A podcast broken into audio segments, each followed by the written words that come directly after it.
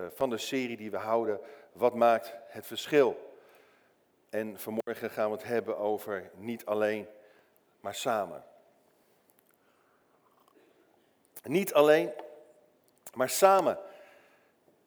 Ja, het is uh, sowieso indrukwekkend om te zien hoe, hoe bijzonder het is om weer samen te zijn. Om zo bij elkaar te komen en een zegen te ontvangen voor het nieuwe seizoen. Staat eigenlijk haaks op de individualisering van onze maatschappij. We zien dat mensen steeds meer op zichzelf gericht zijn uh, of geïsoleerd raken. En toch zien we ook tegelijkertijd een enorm verlangen bij mensen um, om echt contact te hebben. Mensen zoeken toch naar, naar verbinding. En geen wonder natuurlijk, want mensen zijn gemaakt om verbonden te zijn, allereerst met hun schepper, maar ook met mensen, met elkaar. Bedrijven investeren miljoenen om via satellietverbindingen mensen met elkaar in contact te brengen. Er worden kabels in de oceaan gelegd die vijf keer om de aarde heen kunnen. Er zijn in de ruimte meer dan 1500 satellieten voor communicatiedoeleinden. En toch voelt zo'n 5% van onze bevolking zich chronisch eenzaam. Dat zijn 480.000 mensen van 18 jaar en ouder, volgens de bron Nipo. En hoewel natuurlijk internet voor geweldige mogelijkheden zorgt en voorziet in gigantisch veel informatie en natuurlijk ook via Tinder en, en, en Facebook en, en eh, Instagram mensen bij elkaar weet te brengen, zien we toch dat onze maatschappij vereenzaamt. Dat mensen hunkeren naar echte vriendschappen en echt contact. Onze tijd staat bol van de techniek, maar krom van de relatiepijn. En de Vlaamse psychiater Dirk de Wachter schreef in zijn bestseller Borderline Times het volgende. Hij schreef, we leven in een tijdperk dat als verplicht levenscrescendo aan elk individu meegeeft zichzelf te ontplooien, zichzelf te realiseren. En deze individuele plicht om het leven eigen te maken, beschouwen we als een verworvenheid van de 20ste eeuw en als een ontvoogding van de mens van kerk en staat. Maar, zegt hij, we betalen hoe dan ook de prijs van de eenzaamheid, de prijs van de alleenheid. De prijs van de alleenheid. En juist hierin mogen wij als kerk, als gemeente het verschil uitmaken in onze maatschappij, in onze cultuur. Als we tegenover de alleenheid de eensgezindheid weten te plaatsen. Paulus, hij beschrijft het als volgt in Filippenzen 2 vers 1, lees u mee. Nu u door Christus zozeer bemoedigd wordt en liefdevol getroost nu er onder u zo'n grote verbondenheid met de geest is, zoveel ontferming en medelijden, maak mij dan volmaakt gelukkig door eens gezind te zijn. Eén in liefde, één in streven en één van geest. Dat zijn geweldige woorden gericht op een plaatselijke gemeente, de Filippi. Maar dat zijn woorden die nog steeds gericht zijn op ons allen tot op vandaag de dag, ook hier in Leeuwarden, ook hier in onze stad, ook hier in onze gemeente.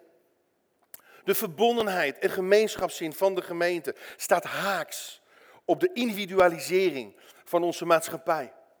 Laat de gemeente dan het ultieme antwoord zijn op die alleenheid, op die vereenzaming. Op die geestelijke armoede, ook in onze stad, ook het komende jaar. Laten we bewust zijn van onze roeping. Laten we bewust zijn van onze verantwoordelijkheid. Volgens Paulus is juist de kerk de ultieme volheid. Zijn lichaam, de volheid van Hem, die alles in allen vervult. God heeft ons midden in onze cultuur gezet om een ander geluid te laten horen dwars tegen de stroom in, te laten zien, ja, het kan anders. Ja, we kunnen veranderen. denken, zeggen misschien dat de toekomst van de kerk op het spel staat. Terwijl Jezus, degene wat hij zei, Op deze rots zal ik mijn gemeente bouwen en de poorten van het dodenrijk zullen haar niet overweldigen. Op deze rots, op deze beleidenis. U, Jezus Christus, bent de Messias, de Zoon van de levende God. Ik zal mijn gemeente bouwen. Juist daar waar het moeilijk is. Juist daar waar vereenzaming is. Juist daar waar, waar mensen gebukt gaan onder zorgen en, en lasten en zonden. Ja, ik wil mijn gemeente bouwen. Daar in die stad waar jullie zijn. In die omgeving waar jullie je bevinden. Op deze rots zal ik mijn gemeente bouwen. En de machten van de hel zijn niet bij machten de kerk te breken.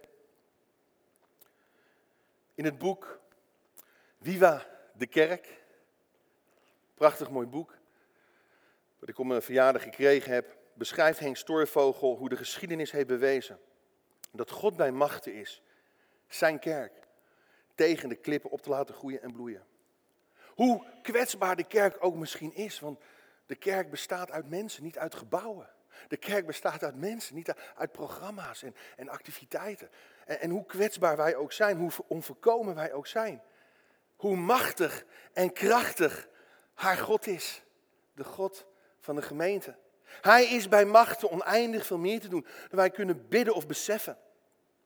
En Henk Stoorvogel, hij, hij beschrijft het als volgt. Vind het heel mooi hoe hij dat zo neerzet. Tegenover al dat doendenken, dat pessimisme en die negativiteit over de kerk, zegt hij, er is hoop voor de kerk van Nederland. Niet zozeer omdat de kerk leeft, maar omdat haar Heer regeert. God is bij macht om uit het niets iets te scheppen. Van moslim tot atheïst, Gooise bal tot metroman, generatie grenzeloos tot generatie babyboom. Wanneer God met de voorhamer van zijn liefde de torenhoog opgetrokken muren van de ongelovige harten gaat bewerken, is alles mogelijk. Alles. Amen. Dat is het geluid van hoop. Dat is het geluid wat mag weer klinken door onze gemeente heen. Naar deze stad toe, naar mensen die God niet kennen toe. Maar het sleutelwoord, lieve mensen, is samen. Samen. Samen vormen we een gemeenschap. En als gemeente willen wij aansluiten, inhaken, bruggen slaan naar mensen om ons heen. Op diverse manieren. Niet alleen door aantrekkelijke, aanstekelijke diensten, maar ook door erop uit te gaan, buiten de kerkmuren, erop uit te gaan, erop uit te trekken. We proberen clubjesvorming te vermijden in deze kerk. Ja, we zijn verschillend en veelkleurig, maar toch ook één in doel en in streven. Luister goed. Als gemeente ben je geen eenheidsworst. Maar je bent wel één als het gaat om je identiteit. Je bent wel één als het gaat om de uitwerking van je visie en missie met de daaraan verbonden waarden en normen. En ook als het gaat om je bijbelse uitgangspunten, je principes en je strategische speerpunten om mensen te bereiken, mensen op te bouwen, mensen toe te rusten, mensen uit te zenden op een manier die God verheerlijkt. Daar ben je volkomen één in, als het goed is. Een van onze kernwaarden is deze. Johannes 17 en Efeze 4 onderstreept dit. Lees u mee. Wij geloven een fundamentele waarde hier in deze gemeente. Dat het bewaren van eenheid zo essentieel is dat we ons richten op dat wat ons bindt en niet op wat ons scheidt. Heel veel mensen die, die komen in de knoop, want ze gaan zich richten op dat wat hen scheidt van een ander.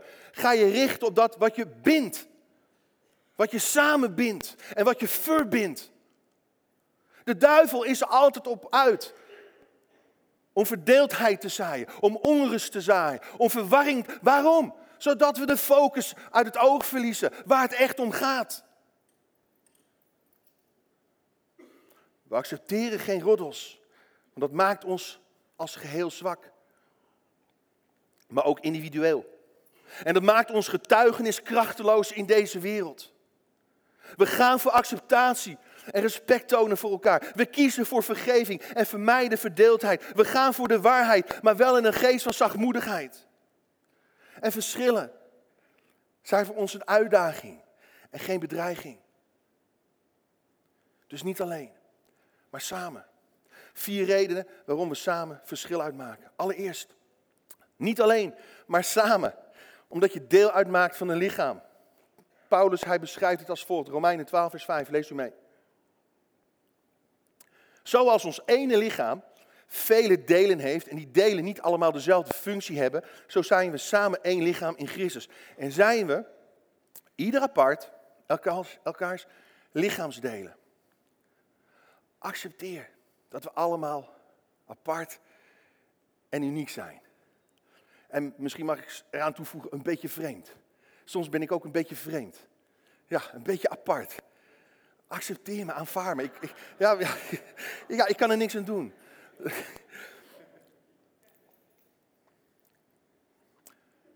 Werk in uitvoering, zeg ik dan altijd. God is met me bezig en met u, met ons allemaal. Het is een proces. Maar, maar besef dat je tot een groter geheel behoort. Maar samen zijn we één lichaam in Christus.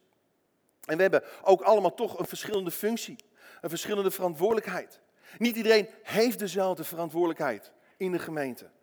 En we hoeven ook geen kloontjes te worden van elkaar. We hoeven ook niet dezelfde werkzaamheden te verrichten. Maar we vullen elkaar wel genadevol aan. Want de charismata, de genadegave, het, het woordje genade komt hier tot uitdrukking. Het is genade om elkaar aan te vullen. Niet alleen maar samen. We zijn een lichaam. En een gemeente kan alleen bloeien en floreren in al haar volheid als we enthousiast zijn over de gaven en talenten van een ander. Door rivaliteit, door misschien concurrentie, jaloezie, ontstaat er altijd afbrokkeling. Maar door elkaar te bekrachtigen en bemoedigen, in elkaars gaven ontstaat er stichting en, en opbouw.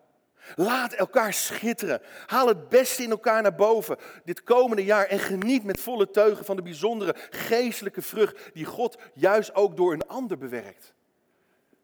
En benoem dat. Weet je, het is zo mooi, want in de gemeente kun je talenten in jezelf ontdekken die, die misschien anders nooit tot uiting zouden komen. En, en in een lichaam groeien alle ledematen met elkaar op. Samen vertegenwoordig je Christus op aarde. En dat maakt het eerste fundamentele verschil uit. Vervolgens ten tweede, niet alleen maar samen, omdat je deel uitmaakt van een kudde. Een beeld van een kudde. Handelingen 20, vers 28. Zorg voor uzelf, zegt Paulus, en voor de hele kudde waarover de Heilige Geest u als herders heeft aangesteld. U bent de opzieners of de oudsten van Gods gemeente, die hij verworven heeft door het bloed van zijn eigen zoon. Ik zou willen zeggen, investeer in alles wat de eenheid versterkt. Weiger de splijtzwam te zijn. Waarom? Omdat Jezus zijn eigen leven voor de gemeente heeft afgelegd. Dat staat letterlijk. Zijn eigen bloed heeft gestort om de gemeente te kunnen verwerven. Houd de linies gesloten door je te onthouden van achterklap. Door je te onthouden van mopperen en klagen. Hoe versterk je de eenheid? Eigenlijk door een cultuur van waardering en bemoediging te voeden. Zodra je ook denkt, ik heb de gemeente niet nodig, of ik weet het beter, ik kan het beter, of ik sta op, zal de boze dat op talloze manieren bevestigen. Misschien wel door strubbelingen met andere mensen in de gemeente. Misschien wel door ergernissen over besluiten van leidinggevenden. Misschien wel door je niet begrepen te voelen en, en, en niet tegemoet te, um, dat mensen je niet tegemoet komen in al je vragen. Misschien wel door allerlei negatieve gedachten, hoe dan ook. Laat je niet lenen voor het verbreken van de eenheid. We zijn een kudde. En in de kudde is er sprake van bescherming. Bescherming. Weet je, veel mensen leven alleen nog maar voor zichzelf en zijn op zichzelf gericht. Of zijn alleen maar sociaal gericht als het in hun belang is. Of gebruiken misschien wel de gemeente voor hun eigen belang. Maar het begrip verbondenheid in de Bijbel, koinonia, betekent meer dan, dan socialiseren. Het gaat verder dan alleen maar wat netwerken. Het gaat verder dan alleen maar wat, wat kletsen, gezellig kletsen of gezellig bij elkaar zijn. Tuurlijk heel belangrijk. Maar verbondenheid in een koinonia betekent dat je van ziel tot ziel, van hart tot hart met een ander verbonden bent. Er is sprake van een geestelijke dimensie die je niet ergens anders kunt vinden of ontdekken. Die kun je niet terugzien in een club, in een organisatie, in een voetbalclub, een tennisclub, wat voor sportclub dan ook, wat voor vereniging. Er is hier sprake van een dimensie die zo bijzonder is, die zo uniek is. Want we zijn een kudde met elkaar. En daarom zijn er ook opzieners aangesteld in die kudde. Want in een kudde is er ook leiding. Of je het leuk vindt of niet. Er is gewoon altijd leiding. In elke kudde, in elke gemeente stelde Paulus oudsten aan. Iedereen heeft namelijk bescherming nodig en iedereen heeft leiding nodig. Overal waar de apostelen gemeenten stichten, lieten ze formeel leiderschap achter. En het doel daarvan is juist om een gemeente in balans te houden, om een gemeente gezond te houden, om, vermenigvuldig, om zich te vermenigvuldigen. Ik geloof ook dat elke leider in deze gemeente een andere leider zou moeten opleiden en moeten trainen. Er staat in 2 Timotheus 2 vers 2, lees u mee. Wat u van mij, zegt Paulus, in het bijzijn van vele getuigen hebt gehoord, geef dat door aan betrouwbare mensen. Bekwaam om op hun beurt weer anderen te onderrichten. Dat, dat, dat geldt niet alleen voor een voorganger of een pastoor. Of, nee, het geldt voor alle leiders. Alle mensen die, die betrouwbaar zijn. Die mogen bekwaam zijn om op hun beurt weer anderen te onderrichten. Weer door te geven wat ze zelf ontvangen hebben. En als je denkt, oh wauw, al die jonge mensen in deze gemeente, ik word een dagje ouder. Wat, oh, heb ik hier nog wel een rol, een functie te vervullen? Ja, ja, lees maar. Wat jij hebt ontvangen, jouw ervaring, jouw wijsheid op het gebied van pastoraat, op het gebied van, van zorg, op, het gebied van, van onderwijs, op het gebied van misschien van profetie, op zoveel gebieden kun je weer dingen doorgeven aan de volgende generatie. Als gemeente, met elkaar heb je impact. Alleen met elkaar in de samenleving waar je staat en geplaatst bent. Dat kun je niet alleen. Ten derde, niet alleen maar samen. Omdat je deel uitmaakt van een tempel. Paulus zegt dat ons lichaam een tempel is van de Heilige Geest. Maar met elkaar als gemeente vormen we ook een tempel. De constructie van een gebouw kan ook alleen maar hecht zijn als er een goed fundament ligt. En een hoeksteen die alles bijeenhoudt. Lees mee, Efeze 2, vers 21. Daar zegt Paulus: Vanuit Jezus groeit het hele gebouw, steen voor steen, uit tot een tempel die gewijd is aan Hem de Heer, in wie ook u samen opgebouwd wordt tot een plaats waar God woont door zijn geest. Luister, alle onderdelen moeten met elkaar in verbinding staan om één geheel te kunnen vormen. Aansluiting is nodig om op elkaar te kunnen steunen, om op elkaar te kunnen bouwen en te kunnen leunen. En, de ene balk ondersteunt de andere, de ene steen weer de andere. En, en er is samenhang, er is cohesie. Alles staat met elkaar in verbinding voor één gemeenschappelijk doel. De opbouw van Gods huis, Gods tempel. Om de grote daden van God opnieuw te verkondigen. Een licht voor de volkeren te zijn. En je staat in verbinding met elkaar om een woonplaats van God te zijn. Als we hier samenkomen in een tempel, ervaar je, er is iets in werking gezet. De Heilige Geest is aan het werk. Er is iets gewoon, wat je, wat je niet zomaar natuurlijk kunt verklaren. Heeft opnieuw met een geestelijke dimensie te maken. Elke steen moet echter wel passend gemaakt worden. Bijgeslepen worden. Want we hebben allemaal ruwe kantjes in, in, ons karakter. En, de ene steen slijpt de andere. Zoals ijzer, ijzer scherp, zo, zo scherp de ene mens weer de ander. Je hebt elkaar nodig om, om geslepen te worden, om gevormd te worden. En dan ten vierde, niet alleen maar samen, omdat je deel uitmaakt van een gezin. Je maakt deel uit van een gezin. Vierde beeld van gemeente zijn is een gezin. 1 Timotheus 3 vers 15, lees u mee. Want de gemeente is het gezin van de levende God, waar de waarheid bewaard en hoog gehouden wordt. Samen vorm je een gezin. Je gaat dus met elkaar om als broeders en zusters. Hoe doe je dat? Ja, oefening baart kunst.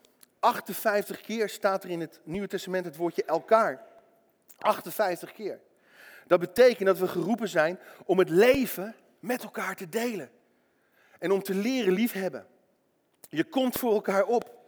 Je neemt het voor elkaar op. Ik, ik, ik wil een, een, voorbeeld uit mijn, uh, ons leven even gebruiken ter illustratie.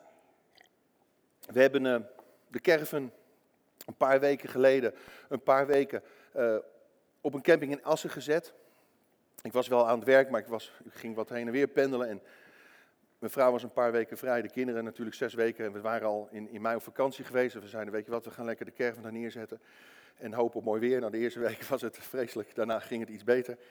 En uh, als gezin, zo, in eerste instantie zo verdrietig.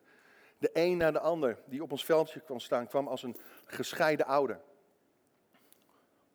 Het zij een moeder met haar kinderen, het zij een vader met zijn kinderen. Dat eigenlijk alleen al verscheurde ons hart. Maar even afgezien daarvan, um, Anthony, jullie weten, hij is bijzonder, hij is speciaal. Die, die was mee en ja, zijn hormonen gieren door zijn lijf. Hij is 15 jaar.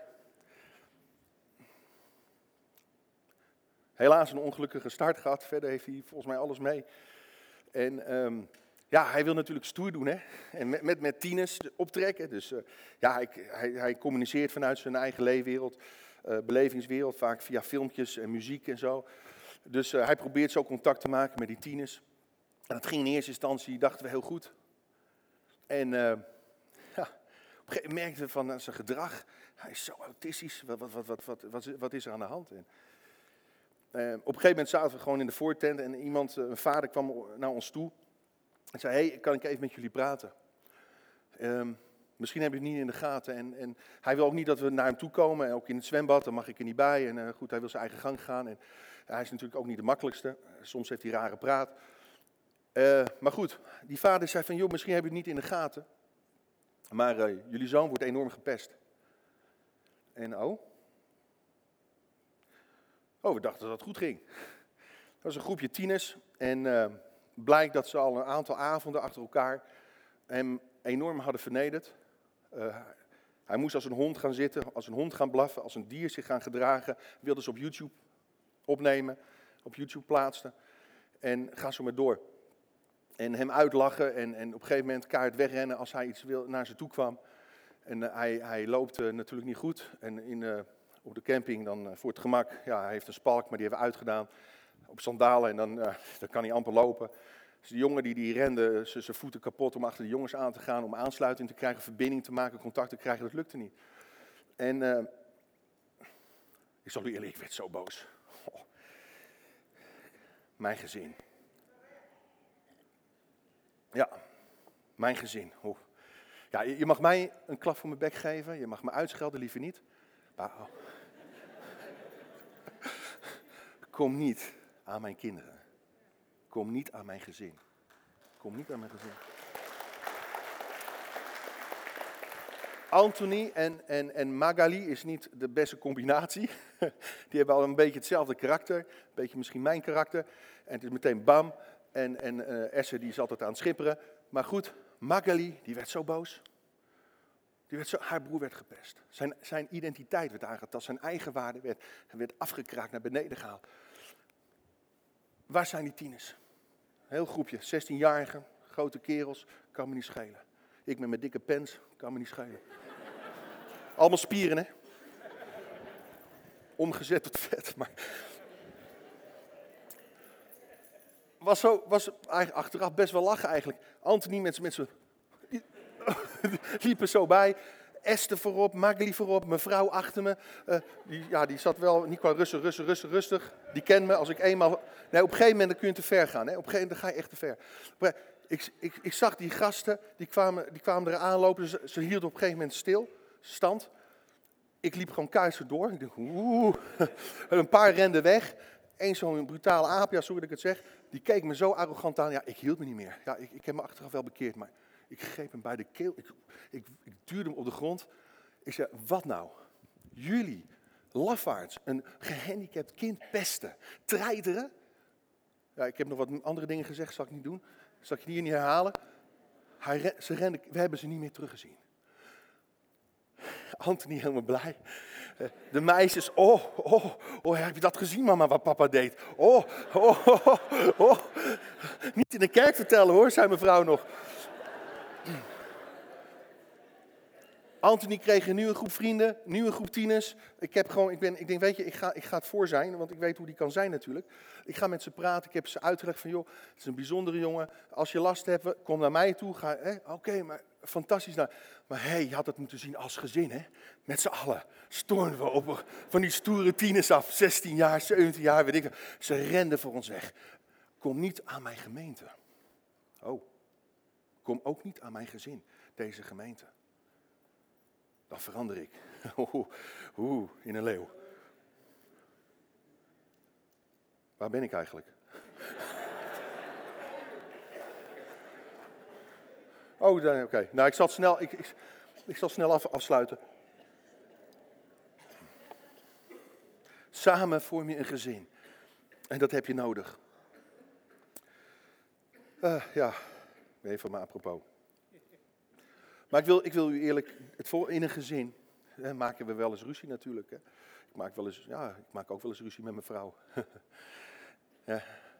En mijn kinderen hebben ook wel eens ruzie met mij. En zelfs in de salvator, zelfs in de salvator kan er sprake zijn van, van miscommunicatie. Ja.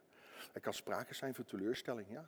Er kan sprake zijn van machtsstrijd, van ellende, van, van egotripperij. Er kan, er kan sprake zijn van roddel. Er kan sprake zijn van rebellie. Ja, ook hier in deze gemeente. Jawel, er kan sprake zijn van allerlei zonden en, en akeligheid en ellende. Ik zal, eerlijk, ik zal eerlijk zijn met u. Soms, soms wil ik wel gillend weglopen. Ja, ook hier. Maar we zijn een gezin. Je zorgt ervoor dat je weer bij elkaar komt. Weet je, het gaat gepaard met teleurstelling soms, maar ook met bemoediging. Het gaat gepaard met, met vreugde, maar ook met verdriet. Met lijden, maar ook met overwinning. Paulus zegt in Romeinen 12 vers 10, houd veel van elkaar als broeders en zusters en laat elkaar uw waardering blijken. Weet je, liefde is geen optie. Het is een bijbelse opdracht. En God gebruikt soms moeilijke mensen en, en vervelende situaties om je karakter te vormen. En zonder de ander kun jij niet groeien, kun jij niet verder komen. Je vindt misschien niet iedereen even leuk in de gemeente, maar dat hoeft ook niet. Niet iedereen vindt jou ook even leuk. Ja, sorry. Hey, Jezus zei, dit is mijn gebod, vind elkaar leuk. Nee, dit is mijn gebod, een nieuw gebod geef ik u, heb elkaar lief.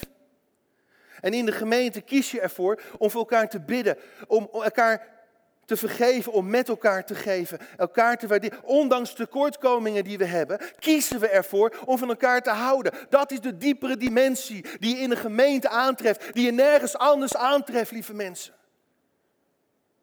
Dit maakt het ultieme verschil hieruit op aarde. Niet alleen, maar samen. Zodat mensen mogen gaan leven als nooit tevoren. Waarom zou je nog losstaan van een bijbelgetrouwe, levende gemeente? Misschien, misschien ben je hier voor het eerst, misschien ben je hier vaker gekomen en heb je nog vooroordelen. Maar ik hoop dat de voordelen het zullen winnen van de vooroordelen. Dat de tegenslagen het mogen winnen van de teleurstellingen. Dat de genezing het mag winnen van de verwonding. Dat de vriendschap het mag winnen van verdeeldheid. En als Jezus zegt, ik zal mijn gemeente bouwen, dan ziet hij jou en mij voor zich staan. Hij ziet ons staan. Wij met elkaar als een stralende bruid. Een inspirerende gemeenschap. Vol dynamiek en vol potentieel om deze wereld te bereiken. Dat is mijn hoop, dat is mijn positieve instelling. Wat er ook gebeurt, lieve mensen. Met elkaar, niet alleen. Samen. Samen maken we het verschil, ook dit komende jaar. En er gaan veel dingen gebeuren. We zijn bezig met het leiderschap te overdenken. We, wil, we willen zorgenouders aan gaan stellen. We zijn bezig om na te denken, te bidden voor andere locatie erbij. Ja, oh help, mijn comfort. Oh, ik zie straks niet iedereen meer. Nee, hey, we willen mensen bereiken. We willen niet staan, blijven waar we zijn. Stilstand is achteruit gaan. We willen vooruit. We willen deze wereld bereiken. Er gaan grote dingen gebeuren. Maar niet alleen, samen. Alleen samen kunnen we het doen. Alleen samen kunnen we een vuist maken. In het gezicht van de boze. En mensenharten gaan winnen voor Jezus. We gaan ook straks aan het eind van de dienst de nieuwe slogan onthullen. En ik hoop dat u daardoor geïnspireerd gaat raken. Dat we dat mogen gaan uitstralen. Niet alleen, maar samen. Zullen we onze hoofden buigen? Zullen we gaan staan, lieve mensen? Heere Jezus, ik wil u zo danken. Dat u hier een leger voor u ziet staan. Een, een leger, jawel. Misschien met verwonde mensen, met gebroken mensen. Mensen misschien met pijn en verdriet in hun hart. Maar ik bid, Heer, dat ze hun plekje mogen gaan vinden hier in deze gemeente. Ik bid dat uw geest zal leiden. Ik bid dat uw geest zal inspireren. Ik bid, Heer, dat uw geest ons, ons volkomen één zal maken. Eén in streven, één van ziel, één in geest. Oh, zegt Paulus, maak dan mijn blijdschap volkomen. Maak mij dan volkomen gelukkig. Door eensgezind te zijn. Heer, zo wil ik in ieder zegenen. In Jezus' naam. Amen. Zullen gaan zingen What a Beautiful Name.